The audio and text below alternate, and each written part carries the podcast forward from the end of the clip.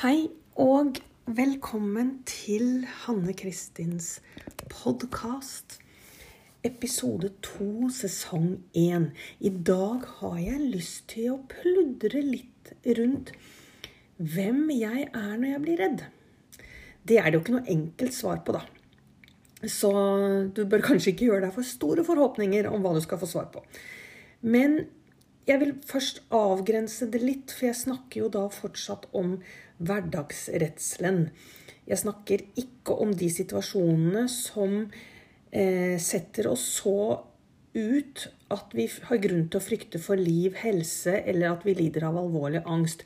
Men det er disse Denne redselen som da kommer sigende eller spontant smeller i hodet på meg når jeg eh, lever mitt hverdagsliv.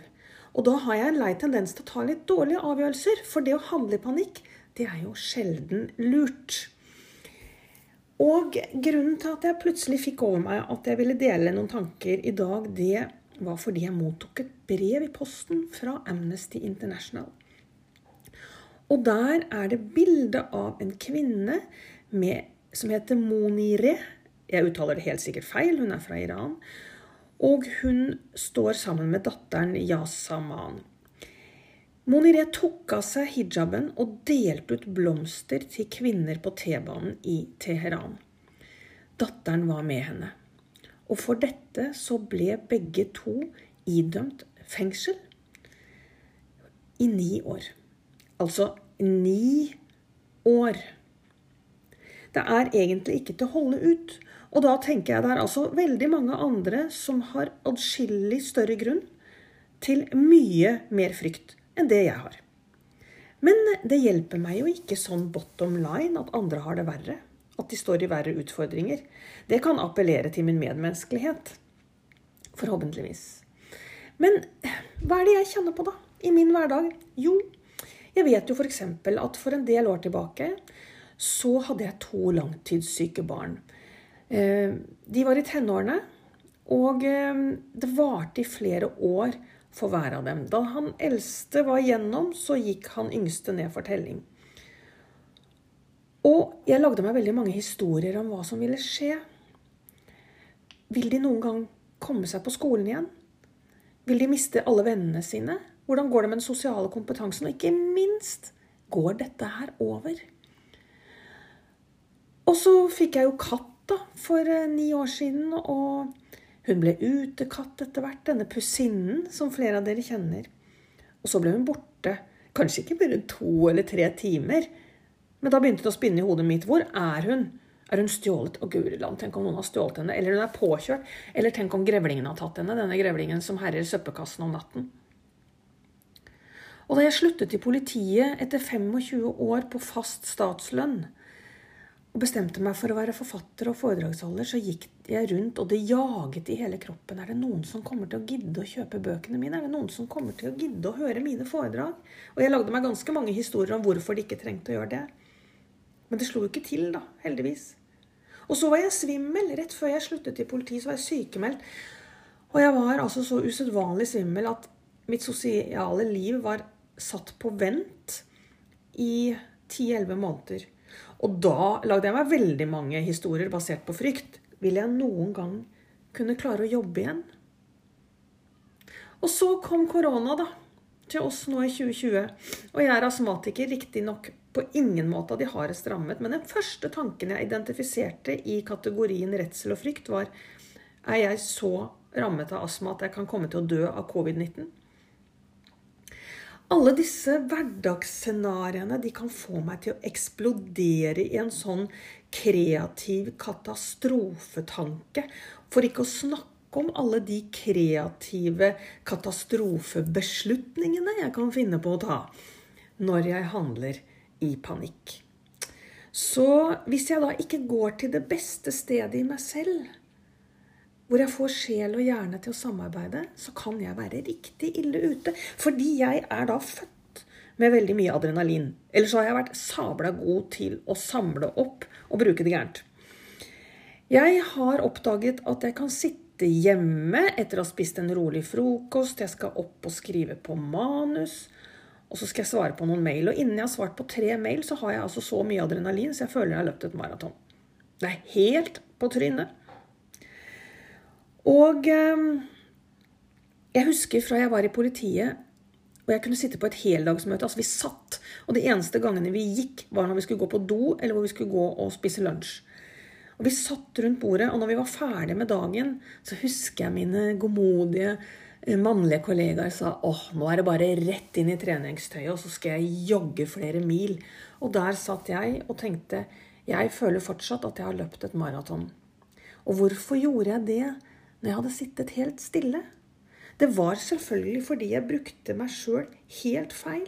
Så jeg har lært da, på dette skrittet til å identifisere hvem jeg er når jeg blir litt hverdagsredd, når adrenalinet mitt blir litt for ivrig. Da må jeg se ting helt motsatt, og så må jeg tenke hva kan jeg bruke dette adrenalinet til? Hva kan jeg bruke redselen min til? Og da må jeg igjen inn. altså Er jeg da i prosess, eller er jeg i prestasjon? når Jeg sitter og jager foran PC-en og har adrenalin mens kroppen sitter stille. I enhver hverdagssituasjon så kan jeg tenke er jeg nervøs eller har jeg panikk? Er jeg redd eller er jeg rolig? Er jeg forberedt eller liker jeg best å ta ting på sparket? Altså, det er jo en uendelighet av ting jeg kan spørre meg om, som ikke nødvendigvis har svaret på der og da, men det gjør ikke noe. Det handler jo ikke om å være perfekt, dette her. Det handler jo egentlig mest om at jeg da skal få det bedre. Jeg ønsker at livet mitt, akkurat sånn det er, med gleder og sorger, skal være lettere å leve. I den forstand at jeg ikke gjør det vanskeligere for meg selv. Når jeg er redd, da lager jeg meg ideer. Jeg lager meg historier om hva som vil skje. Sånn som jeg sa om pussinnen. Tenk om hun er spist av en grevling. Eller når jeg var svimmel, tenk om jeg aldri kan jobbe igjen. Eller denne koronaen. Blir jeg alvorlig syk hvis jeg blir smittet? Og alle disse historiene de er egentlig helt bortkastet. Man skal selvfølgelig ta fornuftige forholdsregler. Vi skal ikke kaste alt ut øh, over ripa. Men det er veldig mange av de historiene jeg lager i hodet mitt, som er helt bortkastet. Som jeg ikke trenger, og som gjør hverdagen min mye tyngre. Så hva vil skje hvis jeg ikke lager meg disse ideene? Hvis jeg greier å si stopp? Fordi hodet vårt er jo en mester på å lage historier. Så for meg så er noe av det viktigste jeg gjør i hverdagen, det er å stanse dette spinnet, dette hjernespinnet. Og heller la hjernen hvile litt i sjelens visdom. Så enkelt og trygt og ukomplisert kan det gjøres. Og sjelens visdom, ja, hva er den? Og her kan jeg eh, provosere mange bare ved å si akkurat det. Og da har jeg lyst til å ta en svingom bortom eh, Ole Paus, som en gang sa at han hadde fått et råd av Jens Bjørneboe, som sa at hvis du lurer på hva du skal skrive, hva slags tekst du skal skrive, så skriv det som skader deg selv mest. Det var nok et svar jeg ville blitt overrasket over. Men når jeg hadde vært med ordene litt, så ga det faktisk ganske bra mening. For det er jo ikke sånn at vi skal velge alternativer som skader oss selv mest. Det er det jo ingen som mener at vi skal gjøre det i enhver sammenheng.